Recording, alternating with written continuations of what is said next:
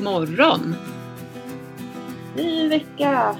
Ja, det går ju så snabbt. Alltså, nu är det sista veckan i april.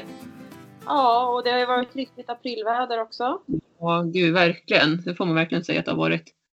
Jag sa det till min man som var så förvånad och ja, det är klart att man själv också var lite förvånad att det blev så här kallt. Men ja, aprilväder brukar man ju säga. Så det... Mm. Men nu börjar vi komma in i maj så nu får det faktiskt ta och vända tycker jag här med vädret. Det blir varmt igen. Ja, det tycker jag också. Jag har, eh, det blev ju ett riktigt bakslag här i veckan. Eller flera har det ju varit när det blivit snö också. Ja, verkligen. Så jag postade om det på min eh, Instagram. Jag har ju ganska många utländska följare. Ja. Eh, och, och de var lite chockade och bara Va, har ni snö? ja. Så, Ja, alltså jag kan förstå att man undrar liksom. Ja, det, är, det är lite absurt. Man ser i andra länder är det liksom full vår och väldigt varmt och skönt. Så det är lite skillnad. Ja, det är lite kontraster. Hur har dina hästar tagit då, tycker du? Jag tycker att hästarna har blivit eh, lite busiga och sådär när det har blivit snöigt och väderomslag. Mm, jag håller med dig. De har busat mycket i hagen och hållit på och lekt med varandra. Mm. Har kan- dina hästar också blivit busiga? Ja, de har varit busiga och eh, men de har ju tappat nu ganska mycket vinterpäls också. Eh, Framförallt Herman och, och Abbe har också börjat tappa mycket. Så jag tror Abbe faktiskt har varit lite småfrusen här. För de har varit ute några nätter och så. Så att, eh, ja, han fick ha täcke här i natt när det var några minusgrader till och med. Eh, nej men de har varit busiga och, och liksom man ser att de leker och, och sådär. Sen har det blåst så himla mycket också så det påverkar ju dem ju mer tycker jag. De blir lite busiga och lite, vad ska man säga, lite mer, eller de ska jag väl inte säga, vi pratar Abbe nu här, han kan ju bli lite spänd och sådär. Herman och Gingis brukar inte bli det. Det är snarare att de kan vara lite busiga och springa runt och så.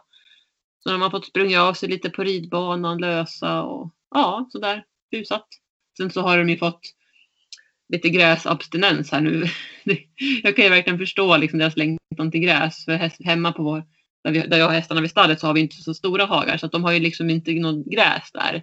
Så allt gräs är liksom utanför så de, jag brukar få beta dem lite för hand här nu en, en stund om dagen så att de får äta lite gräs och så men det märks att de blir så sugna på det.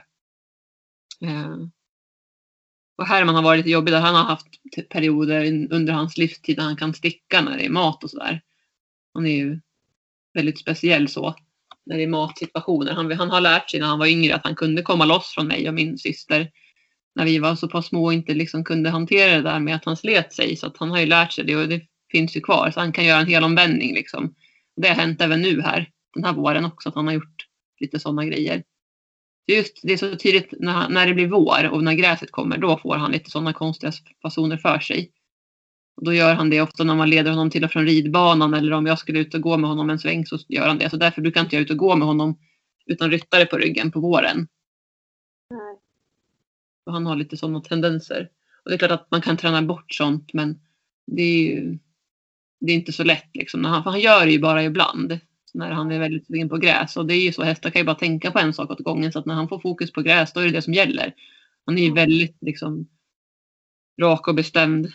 Följer sin instinkt där.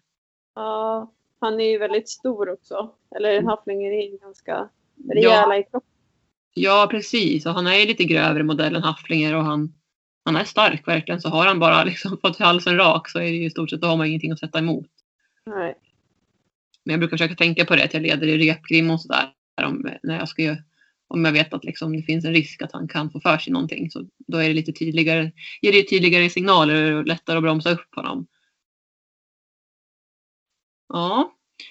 Men vad heter vi har ju ett spännande avsnitt nu här som vi, som vi har eh, bestämt. Vi nämnde det att vi skulle prata distansritt igen.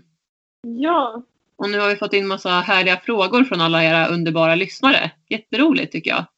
ja, verkligen superkul. Och det var ju ganska blandade frågor också eh, som vi har fått in. Så det är ju extra roligt. Ja, verkligen. Det, det känns som att det finns ändå ett stort intresse för distansritt där ute, vilket är jätteroligt ju. Ja, jag tycker det är superkul. Och eh, ja, men det är verkligen en härlig, ett härligt sätt att umgås med hästen. Att vara Ja. ute i naturen med den. Ja, och jag har ju inte, innan jag fick kontakt med dig så har ju inte jag varit in, liksom, haft någon koll egentligen på distansritt med att jag vetat om att det har funnits liksom, men inte något mer än så egentligen. Jag har väl aldrig egentligen tänkt på att man kan träna det eller tävla inom det så.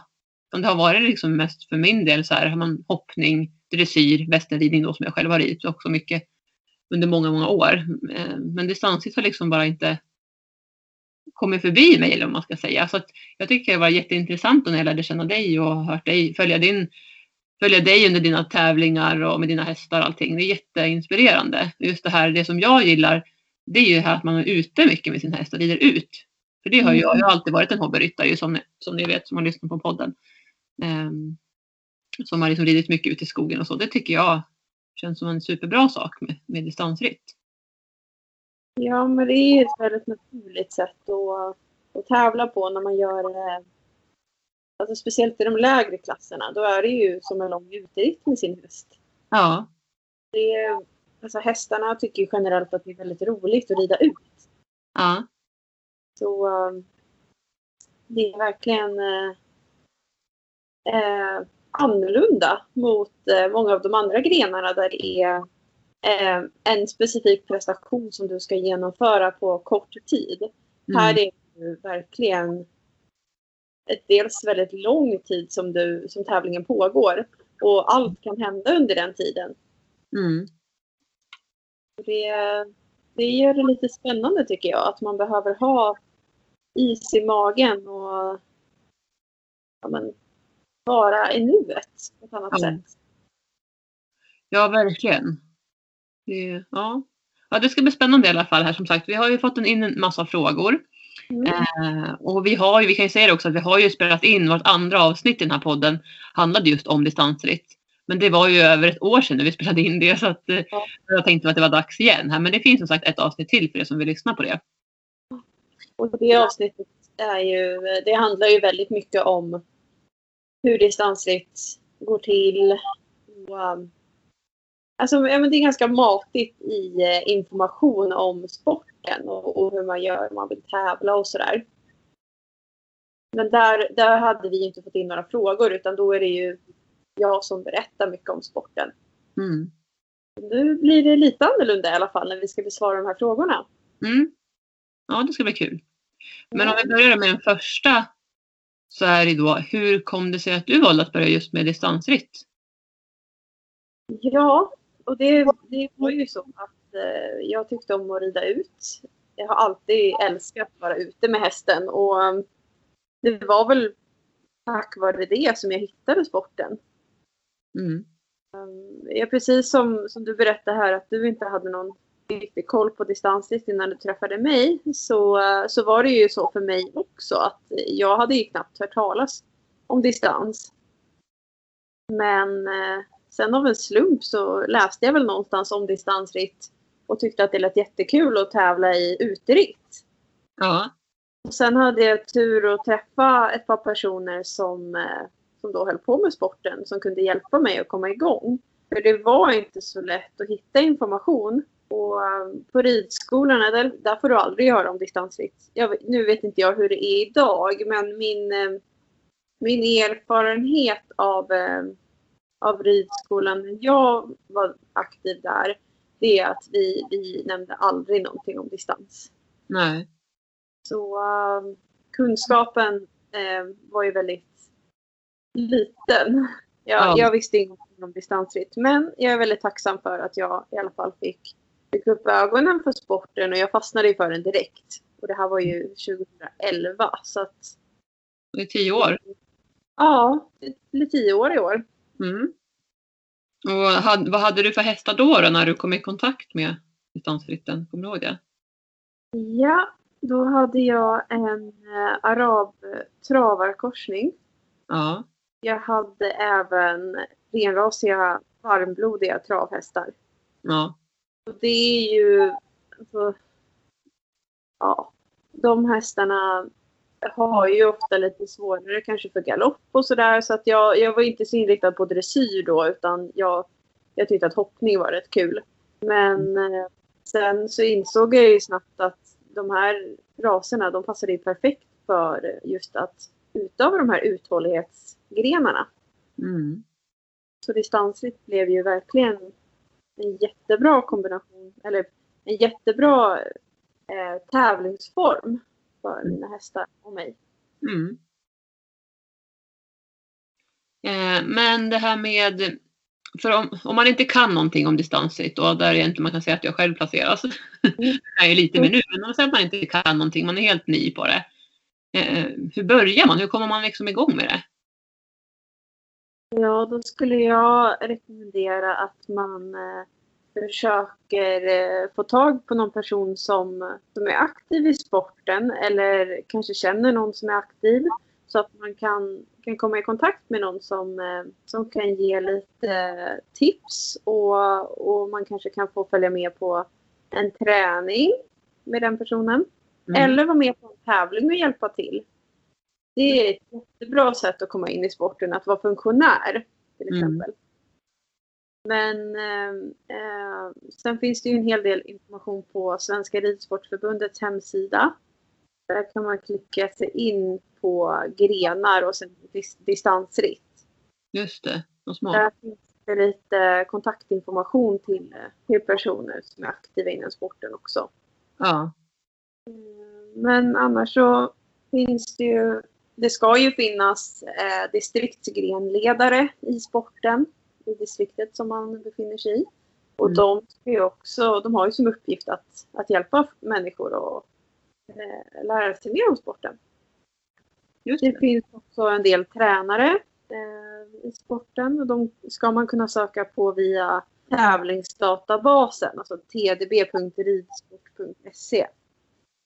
Så annars idag har vi ju Facebook eller sociala medier och där finns det flera stycken grupper och forum om sporten. Där jag ja, tycker att det, det, är ett bra ställe att liksom börja på om man har lite frågor som man vill ställa. Och det finns oftast någon som kan besvara frågorna. Just det. Ja, men det verkar ju jättebra, som du säger, en Facebookgrupp där så man kan liksom få, få inspiration och tips och hjälp av andra. Mm. Ja, men hur gör man då? Hur, hur går man liksom tillväga sen då? Eh, vad, behöver man, vad behöver man för att komma igång? Ja, eh, du behöver ju för att tävla grönt kort. Och ja. det är ju standard för att tävla inom rid, ridsporten i Sverige. Det kan du skaffa, eller det skaffar du via en ridklubb till exempel. De brukar ha en kurs på ridklubbarna. Och det är som en, en kurs i att lära sig hur tävlingsreglementet funkar med regler och så. Så det är ingenting avancerat utan det är gjort för att man ska, alla ska klara det. Mm. Sen behöver du ju ha licens för ryttaren och för hästen för att få tävla. Mm. Det är ju för att försäkringar och sånt ska gälla. Den licensen löser du sen via tävlingsdatabasen som jag nämnde förut. Och där, eh, det är också där man anmäler sig till alla tävlingar. Och för, specifikt för distansritt så är det också så att man behöver ha en gul bok. Och det är en tävlingsbok för hästen där alla tävlingar som hästen har deltagit i eh, loggas. Mm. Så eh, till exempel om man åker på en tävling och hästen kanske blev eh, halt eller trampade på en sten och blev halt efter tre mil. Då ska det stå i den här tävlingsboken så att man liksom har med sig det till nästa tävling sen. Ja, okej. Okay. Och samma om man har godkända resultat så finns alla de i den här boken. För att man ska gå tillbaka och kolla vad hästen har gjort. Och det är också för ett sätt att skydda hästen. Ehm, för då om hästen till exempel då hade eh, gjort illa sig på en tävling så, så kan man se att jaha, men den, det hade hänt någonting här. Då kan jag kolla på det lite extra som veterinär. Då, då. Mm. Så det, det är som sagt ett sätt att, att registrera och ligga vad som har hänt under hästens tävlingskarriär. Just det. Ja, men det är jättebra. Det blir som en liksom dagbok kan man säga. Ja, för varje tävling. Ja, vad bra. Ja, men det, det är väl liksom det konkreta som man behöver för att kunna starta en distansritt. Och det är ju då om man ska starta en på en tävlingsdag. Sen Ja. finns det ju sån här pay and ride. Eh, och då behöver man oftast inte ha licens och grönt kort. Nej. Men däremot så är det ju så att hästen behöver ju vara vaccinerad också enligt det eh, regelverk som finns genom Svenska Ridsportförbundet. Och Mm. det brukar även vara så när man ska rida en pay and ride. För Mm. att minska risken för smittor och så. Mm. Ja, och hur tränar man sig själv då som ryttare? För jag tänker det är ju liksom ändå ganska krävande. Det är ju inga korta distanser. Även om man kan rida lite kortare förstås så är det ju oftast lite längre sträckor man är ute. Så hur tränar man sig själv? Ja, det är ju eh, såklart viktigt att man har eh, konditionen. Ja. Och eh, alltså jag som har, jag har ju tio hästar hemma så att det blir väldigt mycket motion för mig, alltså vardagsmotion. Ja. Jag brukar gå ja, runt 20 000 steg per dag ungefär. Så det är väldigt mycket aktivitet, även om inte det är att likställa med att vara ute och jogga till exempel. Eh, Men som sagt, man, man får ju lite, lite kondis av att rida många hästar och att röra sig mycket också. Mm. Så jag skulle säga att beroende på vad man har för vardag så kan man behöva lite olika typ av träning. Mm. Och jag då, jag har ju klarat av att börja med sporten utan att eh, börja träna någonting extra för att orka. Utan jag har orkat ändå. Mm. Och jag har ju fått träningen genom tävlingarna och även den, eh, den träningen jag gör hemma med hästarna och vardagsskötseln. Mm. Eh, Sen har jag ju såklart märkt resultat när man har haft tid att vara ute och springa och, och styrketräna är ju toppen att göra också för att man ska bli en bättre ryttare. Ja, ja, men precis. Styrketräning och liksom bålstabilitet och allting. Det är ju otroligt viktigt oavsett vilken sport inom hästvärlden man ägnar sig åt. Så, eller vilken gren man ägnar sig åt. Så tycker jag liksom att det är någonting som man alltid har nytta av. Mm. Tänka på det. Och det behöver inte vara att man liksom åker till gymmet och gör massa tunga träningspass där och lyfter skrot som man brukar säga. Utan det går ju faktiskt att hitta massa verktyg och redskap hemma. Och många gånger behöver man inte ens ha redskap utan man kan använda sin egen kropp. Mm. Eh, Så det finns ju massa olika saker där. Vilket jag själv nu just nu håller på att träna också här och har gjort under en tid sedan efter jag fick våran dotter. Eh, Så jag känner verkligen skillnaden när jag sitter upp nu på Abbe till exempel, att man blir starkare och det har man ju med sig hela tiden i allt man gör faktiskt med hästarna. Ja men det där eh, om man då som i mitt fall har lite tidsbrist eh, Mm. så, så kan man ju om man känner att man behöver göra någonting åt sin kondition så kan man ju till exempel eh, börja med att alltid promenera sista kilometern hem om man är ute och rider. Och sen Ja.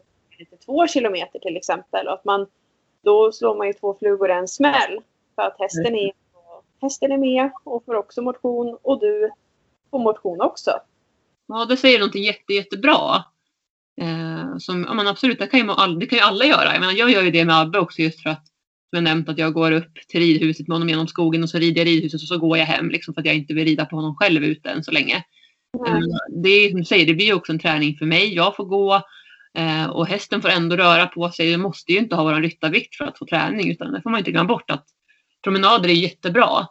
Eh, Man kanske till och med kan springa med sin häst. Det behöver inte vara att man går heller. Fin- Är det en bra liksom, säker väg och hästen är säker att springa med från marken så kan man ju göra det också om man vill. Det blir som, ja, som man är ute och går med en hund eller ute och springer med en hund tänkte jag säga.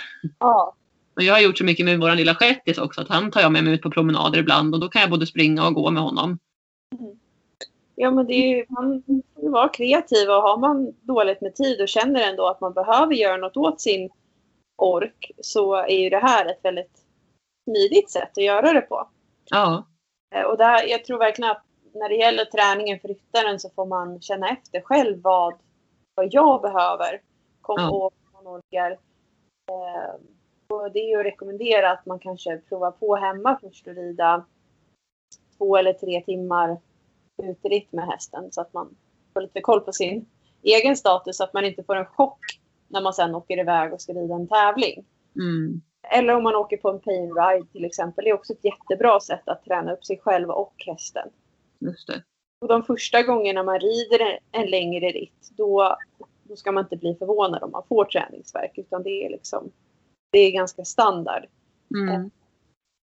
Ja, även alla, alla liksom kommer igång eh, så, små, så småningom. Och, eh, Mm.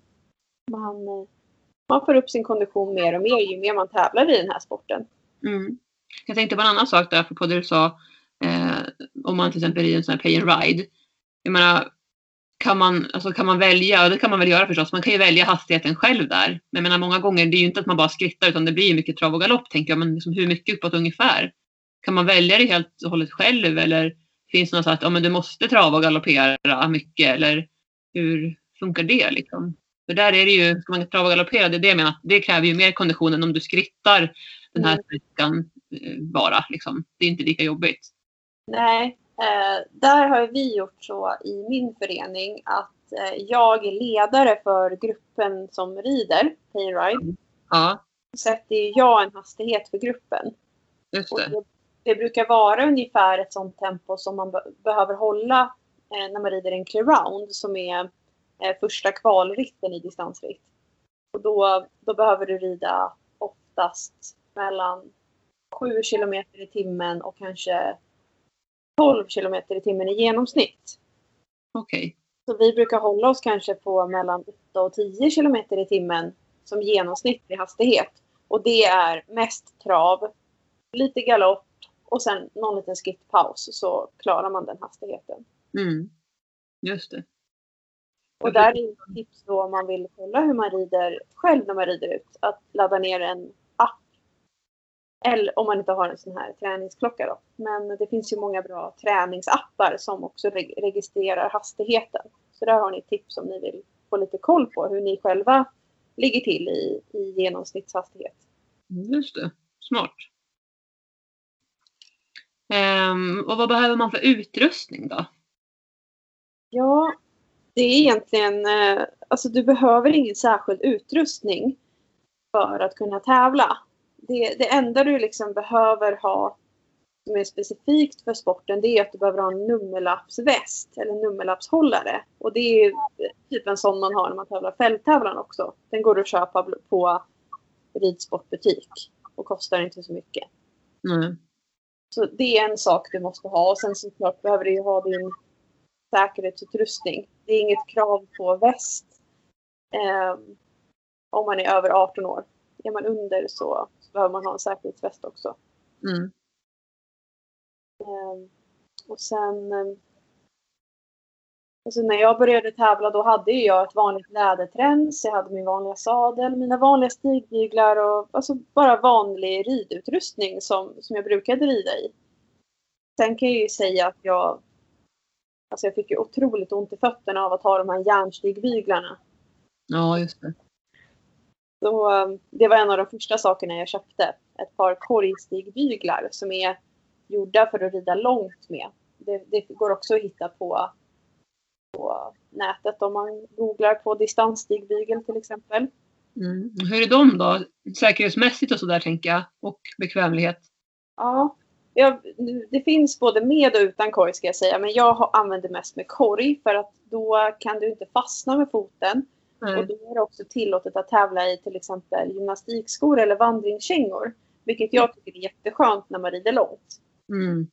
Och sen de här eh, stigbyglarna är ju mycket större än vanliga stigbyglar. Så att du kan vila en större del av fotsulan på dem. Och det gör också att belastningen på foten fördelas mer och det blir skönare för dig att rida långt. Just det. Och smart. Jag har inte ens tänkt på det, men det är nästan så att jag kan känna ibland också när jag rider på Abbe att jag får lite ont under fötterna. Liksom man har både ja, men, ridskorna man har som sitter lite tajt, men när det har varit kallt också. Så där. Så man, det har jag känt av lite ibland när man har ridit lite längre, att, att det gör ont. Så det kan ju vara ett Ja. bra alternativ. Kanske tänka även om man inte rider distans, liksom om man varit ute på uteritter och sådär va? Ja, men absolut. Och sen så sitter man ju också lite stadigare i dem tycker jag. Om hästen kanske är lite busig och bockar eller sparkar bakut så tycker jag att det är mycket svårare att tappa de här stigbyglarna än att eh, ha vanliga små, lite tyngre stigbyglar. Mm. Och de fun- funkar de till vilka stigläder som helst liksom, eller måste man ha speciella läder? Det finns modell för västernstiglöder, alltså femdrar, och det finns för vanliga stigläder. Så att det, det passar. Du får bara välja vilken Ja, bra. Ja. Och där, om utrustning kan jag också säga att vi, eh, när vi har vilotid på tävlingarna, då har man ju ofta hästen i grimma. Och Mm. våra distanstrends eh, är oftast gjorda så att man kan knoppa loss bettdelen så att tränset sen blir till en grimma. Ja, vad smart. Om man inte har ett sånt träns, då kan man faktiskt göra så att man har en grimma på hästen när man är ute och rider på tävlingen då. Mm. Och sen så plockar du bort nosgrimman på ditt vanliga träns och har bara sidostycken och pannband. För då blir det ju liksom grimman underst och sen sätter du på tränset med bara sidostycken och pannband på bettet om du använder bett. Och då när du kommer in sen i vilan då kan du bara ta av tränsdelen så har du din grimma på hästen. Smart. Ja. Det är bra. Jag har också sett att ni har såna här snygga trends och grejer med massa färg, färgglada, Mm. färgglad utrustning, just trendsen då. Precis. Vad är det? Det är något specifikt för distansritt, eller hur? Ja, det är för att vi oftast använder oss av biotantrens som är, det är ett material eh, som liknar, det är plastmaterial. Mm. Och det kommer ju alla möjliga olika färger. Så eh, ofta så blir det ju så att man gör sin egen tävlingsfärg eller att man har sin egen tävlingsfärg. Mm. Och då syns vi lite extra ute i skogen. Ja. Har det någon annan funktion då? Liksom, eller är det för att, de är, att det är snyggt bara? Det är väldigt praktiskt med biotan för att det är så lättskött och man kan spola av det. Ja. Eh, blir det smutsigt och ja, om det regnar på det så, så blir det liksom inte torrt och stelt utan det håller sig. Så det, är ett väldigt bra material som jag egentligen tycker att man borde använda i större utsträckning eh, även när man håller på med annat i ridsporten. Mm. Intressant. Ja. Eh, men nu är det ju corona, pandemi och allting och det är ju inte direkt några tävlingar och så. Ja, du, du ska i och för sig på väg på det, på det snart ju va? Mm. dagar ska du iväg. Men annars har det varit lite lugnt på den fronten. Men visst var det väl någon tävling som pågår man kan rida distansritt på distans va? ja eh, det? kom, förra året så, så introducerades det här konceptet och det var Mälardalens distansryttare som, som kom ut med distansryttare på distans som är en utmaning man kan delta i online. Då, då. Ja. Eh, Och jag har sett att de nu har publicerat en, eh, en utmaning även för, eh, jag tror det var senvår och sommar. Som jag kan rekommendera er att, eh, att kolla på om ni är intresserade av att lära er mer. För då finns det då en grupp på Facebook som heter Distansryttare på distans. Och man kan gå med i den och där eh, så får man lite tips och tricks på vägen och, och själva utmaningen är att rida eh, 16 mil under en viss period då, ett par veckor. Mm. Och man ska rida minst en mil per pass för att det ska räknas som en del i tävlingen. Eller i, förlåt, i utmaningen. Ja. Så, så det kan jag verkligen rekommendera er att gå in och, och kolla på om ni vill eh, lära er lite mer och även komma igång mer med sporten. För det blir ett perfekt sätt att liksom lägga upp träningen på också. När man, när man ser hur de här passen ska genomföras i distansryttare på distans. Ja, det blir ju som en bra liksom, utbildningssträcka för en själv. Och man har ett mål, någonting att jobba mot och träna mot. Liksom. Att, att, som du säger, en mil, ja det är ju inte jätte, liksom jättelångt men det är heller inte jättekort. Liksom. Det är ju ändå en sträcka som hästen ska, som man ska rida. Och där kan det nog vara olika hur van man är att rida till exempel då en mil, eh, som är då minsta som du sa, sträckan för att kunna räkna in det i tävlingen. Eller utmaningen om man ska säga. Eh, Så det är ju, det är ju, ja, jag kan tänka mig att det är liksom bra, det blir som ett bra träningsupplägg också för om man sen vill utveckla det vidare tänker jag. Bra ställe att börja på kanske. Ja, det tycker jag verkligen. Och just Ja. det är- har varit väldigt många som har deltagit de senaste gångerna det har varit aktiviteter. Och det blir ju som ett forum som man kan kommunicera med andra i också. Mm, med i den här Facebookgruppen då. just det. Vi har fått en fråga här också om det är en fördel att man har en liten häst när man ska tävla i distansritt. Ja, eh, det skulle säga är att du bör ju inte ha en för tung häst för att då har den ju ofta väldigt mycket muskelmassa eller kroppsmassa att, att bära på. Mm. Till exempel ett kallblod är inte gjort för att springa långa distanser och vara uthållig utan de är oftast gjorda för att vara starka och, och uthålliga på det sättet istället. Mm.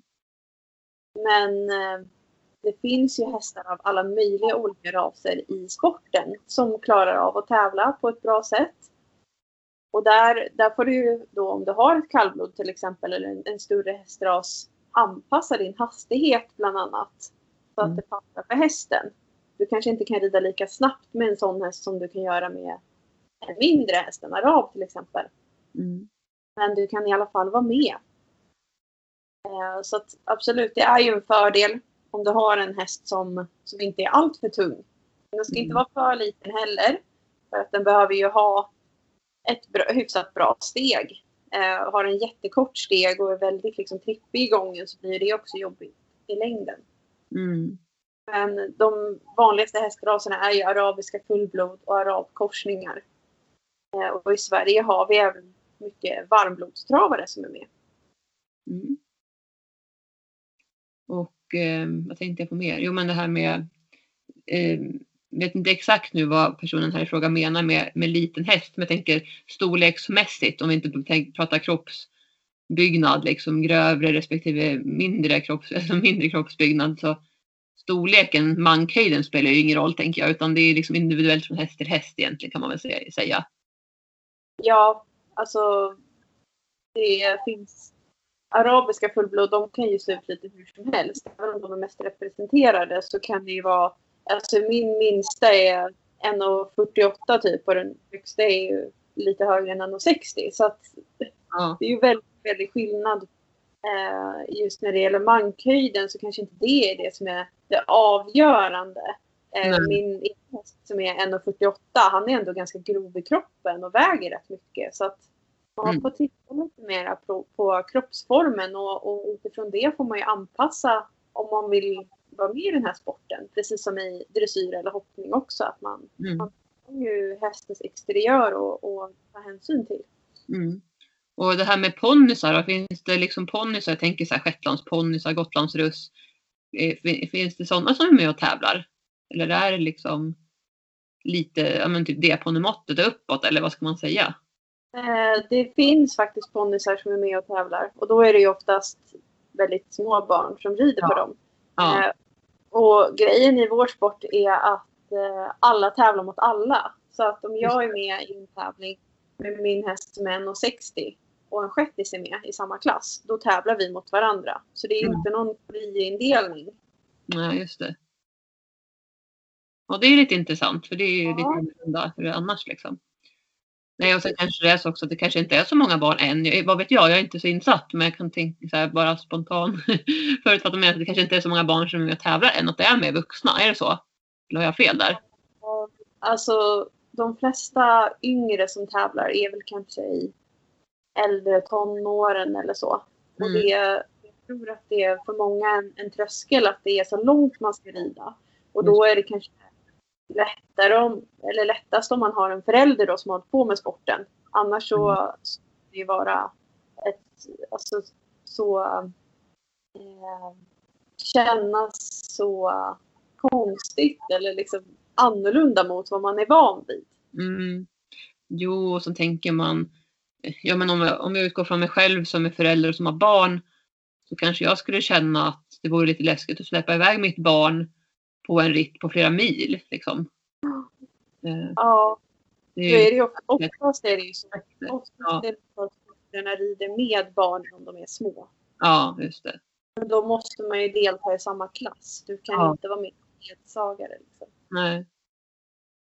Nej, men det är intressant. Det är ju liksom mycket saker som är nytt, tänker Ja. jag, eh, i, i sporten liksom, som inte man känner till med just distansritt. Ehm, men träningsupplägg och så här då? Hur, hur tränar du hästen inför Mm. distansritt? Vi säger nu att det är tävling då, säger vi. Hur, hur gör du då? Ja, alltså det här är ju också väldigt individuellt men, men om jag ska hårdra det eh, ungefär hur jag brukar göra med hästarna så försöker jag med mina att ha två till tre uteritter per vecka beroende på vilken häst det är. Mm. Sen två pass eh, dressyr eller eh, alltså stärkande arbete, uppbyggande arbete. Antingen uppsuttet eller från marken. Mm. Och eh, när jag rider ut så är det minst en och en halv timme uteritt. Gärna åtminstone ett pass i veckan som är kanske från två mil upp till tre mil, tre och en halv kanske. Mm. Det är ju då mina hästar som ändå är hyfsat tränade allihopa. distans. Men Mm. där skulle jag säga om man då har en häst som, som man inte har eh, hållit på med den här typen av träning tidigare.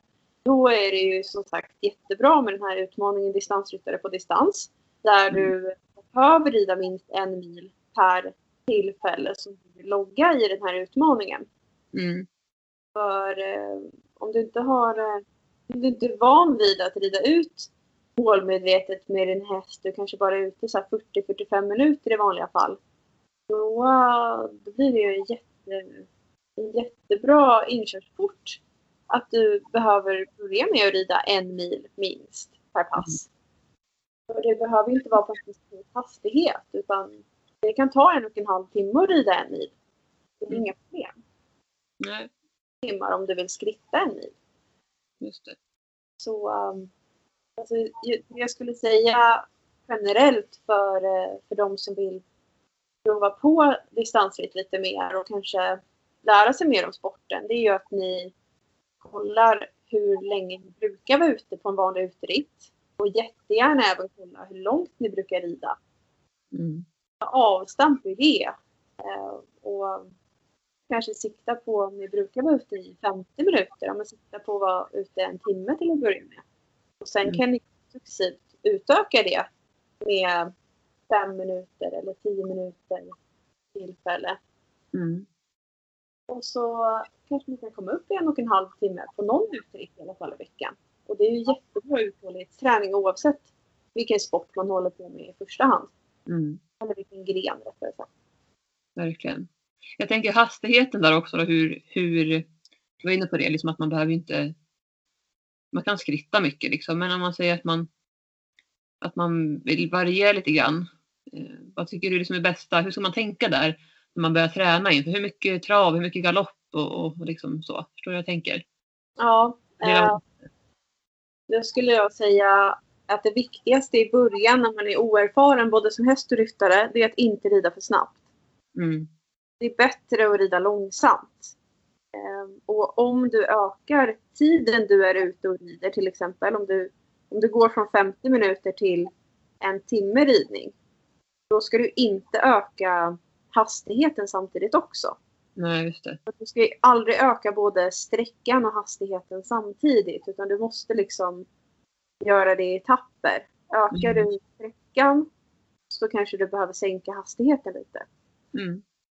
Och där eh, kan man tänka att ett, ett jämnt tempo är alltid bra. Mm. Kanske ett lite lugnare travtempo är superbra att hålla till att börja med och sen kan du lägga in någon liten galoppsträcka och varvat med någon skrittsträcka. Mm. när jag galopperar med mina hästar ute, då galopperar jag i dressyrtempo. Så. Men, men alltså hästen går i ganska fort galopp. Eh, som, som man gör på en ridbana. Det är inte som att jag liksom racear runt med hästarna ute. Utan de ska galoppera kontrollerat och lugnt och stadigt och hålla ett jämnt tempo. Mm. Det är bra att du säger det. För det så, kan ju vara lätt att missförstå också. Som Ja, du säger, att man tänker att man ska racea när man är ute liksom. Och det är klart att det kan vara bra att låta hästarna sträcka ut emellan och sådär. Men som du säger, att det ska ju vara kontrollerat. Även Ja. ute. Liksom. också så de bygger sig starka tänker jag när de får rida i en samlad galopp. Och liksom lite kortare galopp. Ja, och när man bygger upp uthållighet hos en häst eller hos en människa, då vill man ju gärna ha eh, alltså att man håller ett jämnt tempo under lite längre tid. Och det är ju bra att göra det även då när man galopperar. Det är mycket bättre att galoppera lite längre tid i ett lugnt tempo än att liksom racea fram en kort sträcka. För det, är Mm. inte, det är inte- ger inte den träningseffekten du vill ha om du har en uthållig häst. Nej. Mm, bra tips. Och sen Ja. det med underlag då när man rider ut, för det har vi säkert alla lite olika möjligheter vad vi har för underlag där vi rider. Mm. En del kanske har mycket skog, en del har mycket asfalt och kanske grusvägar. Eh, och en del kanske till och med har dåligt med, med ställen att rida på överhuvudtaget ute. Mm. Hur, eh, hur ska man tänka där då? Det är klart Ja. att alla förutsättningar att det kan vara svårt att kanske säga så här. Utan för det är lite från individ till individ hur man har det. Men om man säger att man har till exempel dåligt med vägar att rida på. Vad kan man tänka på då? Hur kan man göra för att träna för, man vill, för att man ändå vill ägna sig åt distansritt? Vad kan man göra då? då? Ja, har man en liten slinga som kanske är fem kilometer säger vi, då, då kanske man får göra så att man får rida den slingan flera varv. Mm. Om man vill komma upp i en mil eller en och en halv mil till att Mm. börja. Så att man får ju verkligen anpassa sig utifrån de förutsättningar man har på hemmaplan. Kanske man kan åka iväg med hästen till ett ställe Ja. och. Exakt. Och har man möjlighet att lasta hästen och åka iväg till bra träningsvägar så kan man ju göra så. Ja. Och när det gäller underlaget så, så måste man ju alltid anpassa sig efter eh, det rådande underlaget. Och är det vinter och fryst i marken och det är hårt, då kanske du behöver rida i ett långsammare tempo än vad du hade kunnat göra om det hade varit mjukt och fint i marken. ja. Vi har ju fått eh, ut nytt grus på några av våra vägar och det är inte sånt här fint grus utan det är ganska tjockt grus med mycket små stenar som hästarna tycker är obehagliga att, att trava på. Mm. Och där tyvärr så måste vi nu eh, skritta och sen trava på vissa ställen kan vi göra men vi kan inte galoppera där längre som vi gjorde förut för att de har grusat upp där. Mm. Så alltså, sådana saker måste man alltid ha i åtanke när man är ute. Man kan inte ha en plan och sen genomföra den oavsett vad man stöter på för hinder på vägen. Utan man kan ha en plan och sen så måste den vara flytande. Mm. Måste anpassa sig. Ja, både efter eh, förutsättningarna som man har ute på turen den dagen och även hästens, eh, hästens dagsform. Mm. Det är ju mycket sunt förnuft. Liksom. Vi har pratat om det tidigare också, med hållbarhet. Att när man rider på olika underlag och sådär, att man måste ju successivt bygga upp det för att stärka hästen. Och att Mm. samma underlag är heller aldrig bra. Till exempel att rida på en ridbana med djupt underlag eller på samma ridbana jämt. Det är ju inte heller bra liksom. Eh, Jag tänker ju, när jag är ute och tränar mina hästar så brukar jag tänka att det är bra att variera skogsstigar, grusvägar, asfalt och försöka variera det. Och nu när jag tränar Abbe så vi skrittar ju mest ute. Vi kan trava några sträckor men jag har fakt- faktiskt ännu inte galopperat på honom ute. Det har jag bara gjort på, på banor, liksom, ridhus och rid, stora ridbanor och sådär. Ehm, så att det blir vår utmaning att liksom öka på hastigheten när vi är på uteritter. Men vi har ju också lite begränsat med, vi har inte så långa grusvägar och fina långa sträckor ute som vi kan trava och galoppera på utan det blir också lite kortare sträckor. Det kan jag sakna. Så att min plan är ju sen att när jag kan åka lasta bort och åka iväg på ställen och rida. Vi har ett ställe här ganska nära oss där de har galoppbana till exempel. Alltså så där man kan åka, och gal- inte galoppbana så, inte någon tävlingsbana, men att man kan åka dit och galoppera sina hästar på en sån här ovalbana till exempel. Eh, liksom, det tänker jag är jättebra. Det är en jättebra sak. Det använder vi oss av mycket när vi gör våra lite längre pass som kanske är lite högre hastighet med mer galopp. För då Mm. är uppdraget så himla avgörande för att minska risken för skador och så. Mm. Så att ovalbana eller typ om man kan få låna någons travbana eller om någon, någon har eh, jättefina grusvägar någonstans som man kan rida på så är det faktiskt värt en utflykt. Ja. Ja, faktum är att jag har fått reda på här av en kompis till mig att det finns jättefin eh, grusväg lite längre bort här. Men då är det i alla fall, kan det vara dit? Jag tror att det är cirka fem kilometer i alla fall dit. Eh, om jag ska skritt, liksom rida ut då. Men det tänker jag kan ju vara en jättebra sak om jag nu vill ägna mig lite åt distansritt eh, och sådär. Kanske inte att jag kommer vilja tävla men jag kanske liksom vill träna och, och sen någon sån här pay and ride tänker jag.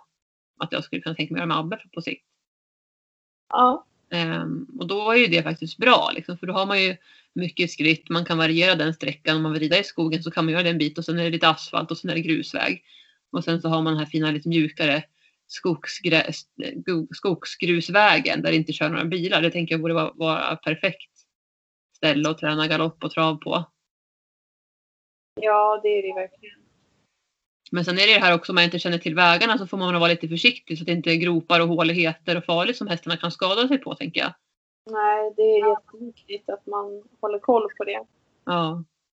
Och där också är ju tempot viktigt att man anpassar tempot så att man inte rider på i, i jättehög hastighet utan att man faktiskt framförallt första gången när man rider på en ny sträcka att man då tänker till på underlaget liksom och helst eh, tar det lugnt första gången man rider på ett nytt ställe till exempel. Ja, där säger du något som är väldigt viktigt. Det är också ur säkerhetssynpunkt. Jag menar, första gången en häst rider på ett nytt ställe, det gäller nästan alla hästar, så är de oftast lite pittiga på ett eller annat sätt. Det är ett nytt ställe de ska gå på. Så jag brukar alltid tänka på att rider jag på ett nytt ställe, då, då skrittar jag där första gången i alla fall. Sen har ju det mycket med hästen, hästens eh, balans och stabilitet att göra också. Ja. Eh, Danshästarna, vi vet ju aldrig riktigt vad vi har att vänta oss när vi åker till en tävling och vi, vi, mm. vi um, Och det kan vara väldigt mycket, alltså, du vet, vattenpölar och så ojämnheter i vägarna.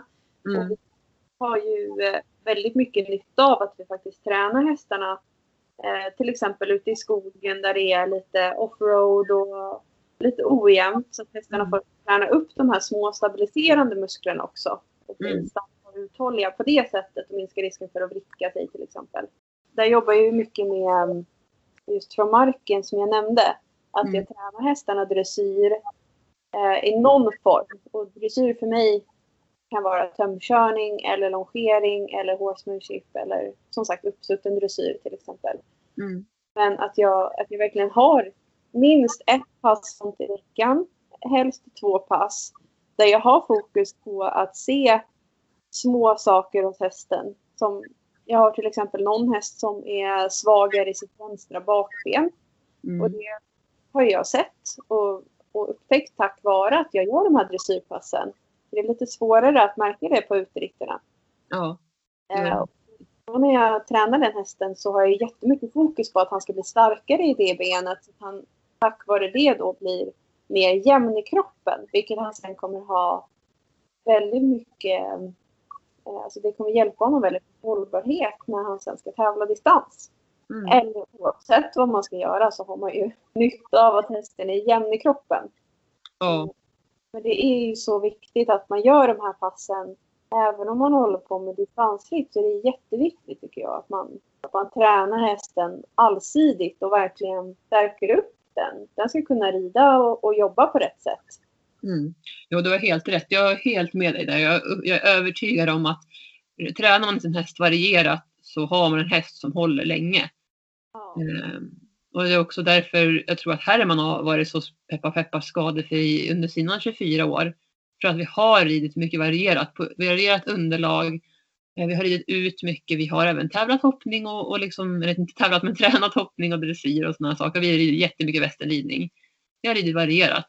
Eh, sen är det klart att alla hästar har liksom olika förutsättningar och olika kropp, kroppar. Men, men jag tror absolut att det är jätteviktigt att tänka på det. Eh, och jag, tycker, och jag upplever själv att jag tycker att det är roligare också för att man får, kan göra olika saker med sin häst. Det finns ju så himla mycket roligt att göra med dem. Och sen det som du säger att det här med att tänka på att alla hästar och människor, vi är ju oftast lite snea. Eh, man kan som häst och ryttare födas lite rakare men när man blir äldre så, så kan man bli lite sned och det har ju oftast att göra med att man är höger eller vänsterhänt och som ryttare till exempel. Hästen har ju också samma sak. Eh, så det behöver man ju tänka på som du säger med träningen. Att trä, trä, liksom, se hur är min häst? Är den högerhängd, vänsterhängd och så vidare? Och träna utifrån det. Så att den blir så rak som det går. Ehm, och sen det här du var inne på med om man har en häst som är snubblig och som inte riktigt har balansen kanske för att rida i skogen eller som på uteritt i distans. Att tänka på att då kan man faktiskt leda hästen i början. Eh, om man ska ut på på, i skog och mark. Liksom, man känner att min häst är snubblig och kanske ung och sådär. Så har jag gjort med Abbe, att jag har ju gått promenader med honom i skogen. Dels, det är lite speciellt för honom eftersom att han är från Spanien och han är inte van med vårt svenska, våran svenska skogsterräng. Så jag visste inte riktigt vad han har gått på för typ av underlag eh, så, i Spanien. Så där gjorde jag så att jag ledde honom från början från marken. Medan nu idag så kan jag rida. Men det, det är ett sätt att bygga upp honom och där får man ju tänka på hur ser min häst ut? Vad behöver den för träning? Ja. Det är återigen det här med att individanpassa utifrån mm. sin häst. En del hästar har ju också eh, inte bara det här fysiska att jobba med utan även det mentala kanske. Att de blir lite mm. stressade och jagar om de åker iväg på en ny plats till exempel. Och ja. Det jag gör är ju bara att försöka och, vänja hästen vid det. Åka iväg och göra saker. Och, ja. ja. och se till också tycker jag först och främst att hästen är trygg hemma i hemmamiljön. Att man kan hantera hästen som man vill hemma. Eh, tänker jag i alla fall. Alltså det är klart vad man har för mål men också tänka att man ibland släpper sina egna mål och sin egen agenda och vad man vill och faktiskt utgå från hästen. Är hästen redo för det här? Eh, då tycker jag, upplever jag i alla fall att man har bättre förutsättningar att lyckas. Och man tar det liksom lite långsamt och, och, väntar in hästen lite så. Och, och samtidigt att jobba med att träna hästen. Eh, att stärka den, om vi säger att man har en stressad häst till exempel på nya platser. Man tränar den hemma fast så att den kan hantera sin, sin ängslan. Så att det inte bara blir att de reagerar instinktivt liksom, utan att de faktiskt kan tänka när de blir stressade. Ja, det är jätteviktigt. Vi kommer in på ett litet annat spår, men det har ju också tänkt att göra med distansritt just för att som du säger, man är ju oftast man åker iväg på tävlingar, då är man ju inte på hemmaplan. Det är ofta som du säger, det är ny terräng. Jag mm. tänker på det också nu att, jag menar, om du ska åka på en tävling säger vi, kan, vet du i förväg vart, hur banan ser ut. Jag antar att du inte vet det va? Du vet inte vart du kommer rida. Så du kan aldrig förbereda dig på att till exempel rida den sträckan. Nej. Nej. Och det är en sak som, som kan vara en utmaning tänker jag då för många. Absolut. Man får anpassa sig. Ja. Och verkligen rida och vara medveten om hur man, hur man rider i stunden. Ja. Um, men vad heter det? Det här om jag skulle till exempel vilja starta med Abbe då. Du har ju mm. varit inne på det nu och pratat lite grann om Abbe och så. Men hur skulle jag då kunna tänka? Tänker du? Ja, men jag tycker att det är eh, som, som jag nämnde det här med att man, man kollar då hur man brukar rida på sina uteritter och hur lång tid man brukar vara ute, hur lång distans man brukar, eh, brukar genomföra och även vilken hastighet man brukar hålla. Och sen att man utgår då ifrån det eh, och kanske provar att öka distansen lite grann men håller sig kvar på samma hastighet. Mm. Och att man successivt bygger upp hästen på det sättet genom att ge den lite längre utdrifter. Mm. Och till att börja med så inte liksom tre mil. Inte Nej. så utan om hästen är van vid att gå kanske 8 kilometer så siktar man på 10 kilometer istället. Mm. Återigen där att det är viktigt att man, att man eh, gör det successivt och ökar.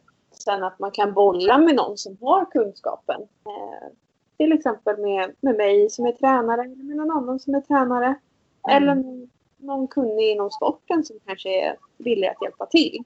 Mm. Men det är alltid bra att man har någon mentor när man ska, ska börja introducera mer eh, och lite längre arbete. Mm. Tid. Mm, det låter bra. Det kommer få bli ett mål känner jag med mig och Abbe sen att vi ska rida lite längre distanser. Så får vi se om jag kommer att haka på någon tävling framöver. Men mm. jag tycker att det är ett lagom steg det här att kunna som säger öka på våra uteritter och vår intensitet i hur mycket, alltså hur snabbt vi rider och så. Mm. Och sen blir nästa utmaning det är att åka iväg till andra platser liksom och träna och rida. Det kan ju vara att jag till exempel åker till dig och tränar, att vi är ute och rider tillsammans. Det kommer mm. bli någonting nytt för honom att rida med andra hästar på ett annat ställe. Det, ja. det är övertygad om att han kommer ha problem i början. Ja. Så, men det, är liksom, det blir utmaningar för varje sak man gör, men att man gör det liksom i sin takt. Ja. Det gäller alla när man ska testa någonting nytt. Eh, och då är, tänker jag inom distansritt. Man utgår från vad man själv vill och vad man har för förutsättningar.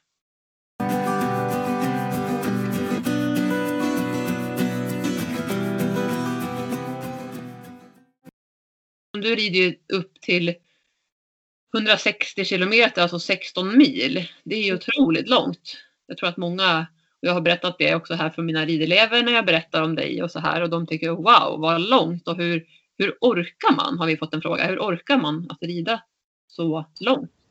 Ja, det, alltså när jag började med sporten då tyckte jag att 16 mil det kändes helt omöjligt och jag tänkte att jag kommer aldrig rida det. Nej. Um, men eh, nu har jag genomfört ett par 16 mil. Och även ett par 12 mil. Ja. Det är de två längsta distanserna. Och det jag kan säga är väl att alltså, ju mer man tävlar inom sporten um, och ju fler kanske fem mil man gör i början, ju lättare känns det. Ja. Och då blir steget upp till åtta mil inte lika stort. Um, det är ändå tre mil längre än fem mil, så första gången man rider en åtta mil, då, då känns det jättejobbigt oftast och väldigt långt och så. Ja. Men eh, sen när man har gjort det ett par gånger, då blir steget upp till nästa klass inte lika stort. Så att det, det handlar mycket om rutinen och att man, eh, att man blir, får, får in vanan för att rida långt och Mm. vara ute under lång tid. Mm. Men, men alltså 16 mil det är ju extremt långt både för hästen och ryttaren. Eh, och och här utgår vi då ifrån hur, hur jag orkar som frågan är ställd. Och jag skulle säga att det viktiga är att man, man har ju obligatoriska vilopauser under tävlingens gång. Och det är väldigt viktigt att man under de här pauserna verkligen dri- dricker och äter ordentligt och gärna sitter ner lite grann också och vilar. Mm. Så, men framförallt att man får i sig tillräckligt med energi och vätska. Det är jätteviktigt. Ja. Hur långa är de pauserna då som du sa? Det brukar vara 40 minuter och sen eh, inför de sista slingorna kan det vara 50 minuter också. Ja. Men den tiden går rätt snabbt så att det är inte, det är inte så att man liksom hinner lägga sig och sova en stund. Utan, Nej, jag tänkte på det. Det lär ju vara svårt för att man har väl lite adrenalin och man är liksom uppe i varv. Så det är säkert svårt ändå. Om man skulle vilja så är det nog svårt att få Ja. ro. Mm. men, men det handlar ju mycket om det mentala också. Att när jag ska börja en tävlingsdag så är det ju oftast jättejobbigt att gå upp på morgonen. Vi kan ju gå upp typ klockan halv fyra eller fyra på natten ibland. Och då gäller det ju bara att man har ett fokus. Eh, och, och för mig brukar det vara hästen liksom på morgonen. Okej, nu ska vi till stallet, nu ska vi sadla, nu ska vi sitta upp, nu ska vi starta. Att man delar upp det liksom i etapper. Mm. Det blir mycket att tänka att nu ska jag rida 16 mil. Mm. När du har ridit en kilometer. Precis. Så att, Det, det säger du någonting jätteviktigt. ja, men det är mycket mentalt och att när jag kommer ut på första slingan då är det liksom nu ska jag till första gronstoppet där mitt team möter upp mig och sen ska jag till nästa och så vidare och sen ska man veterinärbesikta efter slingan. Sen ska man vila, sen ska man nästa slinga. Ja, så att jag delar in hela tävlingen i etapper så att Mm. det inte blir för mäktigt och, och för stort. Man kan se det som delmål. Om man pratar mål så har man sitt stora mål och sen så bryter man ner det stora målet i delmål. Och det är det man kan säga att du gör. Det långa målet är liksom att genomföra 16 mil och så bryter du ner i delmål, de här slingorna som du säger. Så Ja. det, det tänket tycker jag är viktigt att göra i mycket andra saker också som man har framför sig som man ska göra. Se liksom, att inte se det, för långt, det som är så långt fram utan verkligen kunna se lite kortsiktigt först och fokusera på det. Så får man ju, ja så blir det lättare att genomföra helt enkelt. Ja, Men jag tänker, ni har ju också så här, vädret är ju någonting som ni inte kan påverka. Det måste ju vara svårt ibland om det är liksom spöregnar eller vad det nu kan tänkas vara för väder. Hur, Ja. hur upplever du det då? Det- det är jättetungt. Eh, Ja. Så det är verkligen... Jag kan ju inte säga att det är roligt att rida så många mil i spöregn. Det, det är inte någonstans. Alltså, om man blir blöt, allt blir blött, hästen blir kall. Ja. Det är tufft. Men eh, alltså, det är så skönt när man är klar. det låter lite konstigt men alltså Nej, men jag förstår dig. Alltså, Vad känslan när man går i mål efter att ha genomfört eh, sin distans. Mm. Oavsett om det är 5 mil eller 16 mil så första gången när man gör det så den känslan är liksom obeskrivlig. Det är verkligen en kick. Mm. Där, en boost. Att shit, vi klarar det. Så Mm. då i den här äh, spöregnet får man verkligen fokusera på att nej, lite jädra anamma och vi ska klara det. Liksom. Ja, alltså det är ju lite stärkande helt enkelt också. Man, alltså inget ont som inte får något gott med sig och, och lite motgångar och sådär. Det stärker en ju. Ja, Man blir stark mentalt. Och fysiskt också för den delen. ja, man kan ju inte göra något åt vädret. Man får bara... Nej. Men jag kan tänka mig att ni kanske ber till vädergudarna innan tävling att, och kollar liksom väderprognosen kan jag tänka mig. Att det liksom blir Ja. mycket fokus på det. Ja, verkligen. Mm. Men som sagt, det är ingenting man kan påverka så att då, man får ju gilla läget och liksom anpassa sig efter det tänker jag. Men hur håller du humör, humöret uppe när du rider de här långa distanserna på till exempel 12-16 mil? Ja, då, då är det ju väldigt viktigt med sitt team. Mm. Att de kan peppa. Om de märker att man får en svacka, att man är lite trött eller hungrig och, och så. Att de verkligen kan vara med och peppa där och stötta och hålla humöret uppe åt den. Mm. Sen, eh, sen brukar jag ofta rida tillsammans med folk när jag rider de här långa distanserna. Så man, man har ofta sällskap av varandra och då pratar man och har det trevligt ute på banan. Det gör ju också att det är lättare att hålla humöret uppe. Ja. Och sen det här tänker jag då att också som vi var inne på nyligen att man fokuserar på de delmålen man har längs ritten liksom, längs tävlingen. Ja. Vad brukar du tänka på då när du rider de här långa distanserna? Ehm, ja, men det är nog mycket, som sagt, fokuset. Mm. Att man kanske har en målbild. Ehm, en bild av när man går i mål, hästen är pigg och fräsch och liksom öronen framåt och den här känslan typ när publiken jublar. Mm. Det kan hjälpa också om man, om man får en liten svacka. Ja, spännande. Har du några bra grooming-tips? då har vi också fått fråga på här. Jag tycker att det är viktigt att ha ett team som, eh, som är positivt och liksom, som sagt kan heja på en och för mig är det jätteviktigt att vi har roligt. Vi skämtar väldigt mycket med varandra när vi är ute och tävlar, även när det är som mest seriöst på, på stora tävlingar och så, så har vi jättekul. Mm.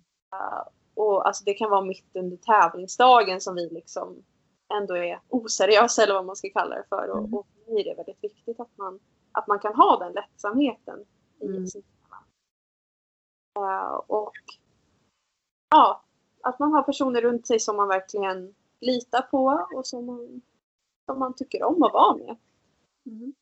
Och där är det också ett bra tips att man kanske tränar på de här situationerna hemma. Man är ute och rider på en uteritt så kanske man kan få med sig sitt team att de möter upp en ute på, på slingan som man rider på. Att de övar på den situationen de kommer ställas inför på tävlingen sen.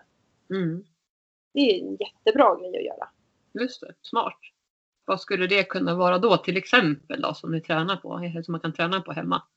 Eh, att ge hästen vatten och att eh, även erbjuda ryttaren vatten och kanske någonting att äta. Sen att ryttaren får sköljflaskor med kylvatten, ja, vatten i en flaska som man kan kyla hästen med ifall det är Mm. varmt. Så att man får träna på den biten också. Just det. Det, det ska ju inte vara någonting helt nytt första gången man åker på en tävling. Om, man nu, om det är varmt ute och man behöver kyla hästen ute på banan så träna på det hemma först. Annars kommer hästen springa omkring eller dansa omkring och tycka att det är jätteläskigt. Ja, det är sant. Ja, vad betyder BC? Ja, det betyder best condition. Aha. Och det är eh, någonting som bedöms efter tävlingens genomförande. Ja. Det brukar vara eh, alltså de placerade hästarna eh, får, får vara med på den här uppvisningen. Det kan även vara hästar som inte har blivit placerade men som ändå har kommit i mål inom en specifik tid efter vinnaren. Mm. Och då på de här eh, best condition-visningarna så kollar veterinären på, på hästens puls och vätskenivå och tarmljud och sånt som man har gått igenom under tävlingen också. Man kollar även på rörelserna och bedömer då vilken häst som är i bäst skick efter tävlingen. Så det handlar ju lite om alltså hur bra du har tränat hästen innan kanske och hur bra den har återhämtat sig efter tävlingen. Så ja. det är typ det finaste du kan vinna nästan. Okej. Okay. Har du vunnit det någon gång eller? Ja, det har jag faktiskt gjort. Charman har vunnit Best Condition. Vad roligt. Ja, det var efter en 16 mil också så det var oh. en härlig känsla. Wow. Varför rekommenderar du andra att rida distansritt då? Ja, det är väl just för att man får den här kontakten med sin häst. Att ja. man kan få ett sånt himla fint samspel och en gemenskap också med andra ryttare när man är ute och rider. ja. Och sen naturupplevelsen är helt fantastisk. Alltså, även om man inte åker långt hemifrån för att tävla så får man ändå uppleva andra vägar att rida på och man får se annat. Ja. Alltså ute i Sverige finns det ju fantastiskt med natur som vi kanske inte ser i vanliga fall. Ja. Och det, låter, det låter jättebra tycker jag. Man blir verkligen peppad på att rida distansritt. Jag hoppas att det är många fler som känner samma som, som jag här som är helt liksom, ny inom det, som inte har koll. Så. Men nu känns det som att man har fått mycket svar här, även jag, på frågor. Jättekul som sagt att vi kom in med så många olika frågor här och det känns som att vi har täckt det mesta. Sen finns det ju som sagt ett till avsnitt, avsnitt nummer två. Om ja. det är något annat som vi inte har pratat om i det här avsnittet som ni känner att ni kanske kan tänkas då få höra i det avsnittet. Ja. Det är bara att ställa frågor också om det är någonting ni, ni undrar som vi inte fick med. Eller om det var något som var otydligt. Ja, men det är bara att komma in med frågor i efterhand. Det är jättebra. Ja. Ja, ska vi säga så för den här veckan? Det blir ett väldigt långt avsnitt, men matnyttigt hoppas jag att alla tycker. Ha det så bra allihopa. Ha det så bra. Kram, kram. Kram, kram. Hej då. Hej då.